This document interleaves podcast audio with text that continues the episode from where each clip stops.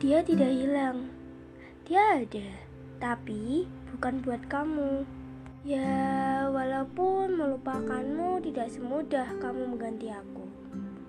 Kamu berhasil melukaiku, tetapi aku gagal untuk membencimu.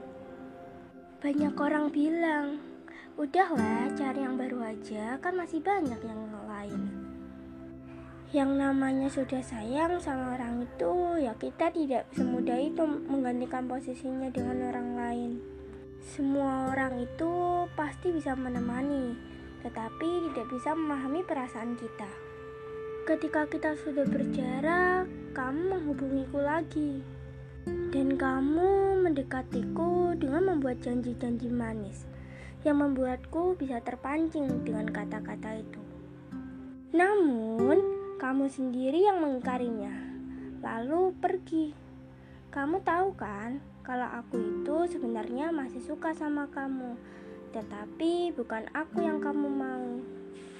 It's okay, tetapi asalkan kamu tahu, aku menolak seribu hati demi satu hati yang gak tahu diri, yaitu kamu.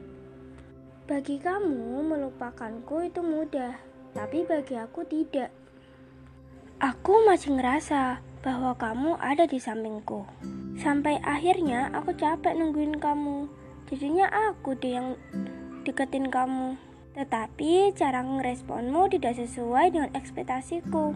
Ya, aku akan melupakannya pada akhirnya dan mungkin bahkan segera.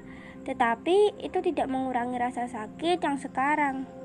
Pesanku, berhentilah menangisi dia dan gunakan kekuatan itu untuk melupakannya. Bye semuanya, sampai jumpa di episode selanjutnya.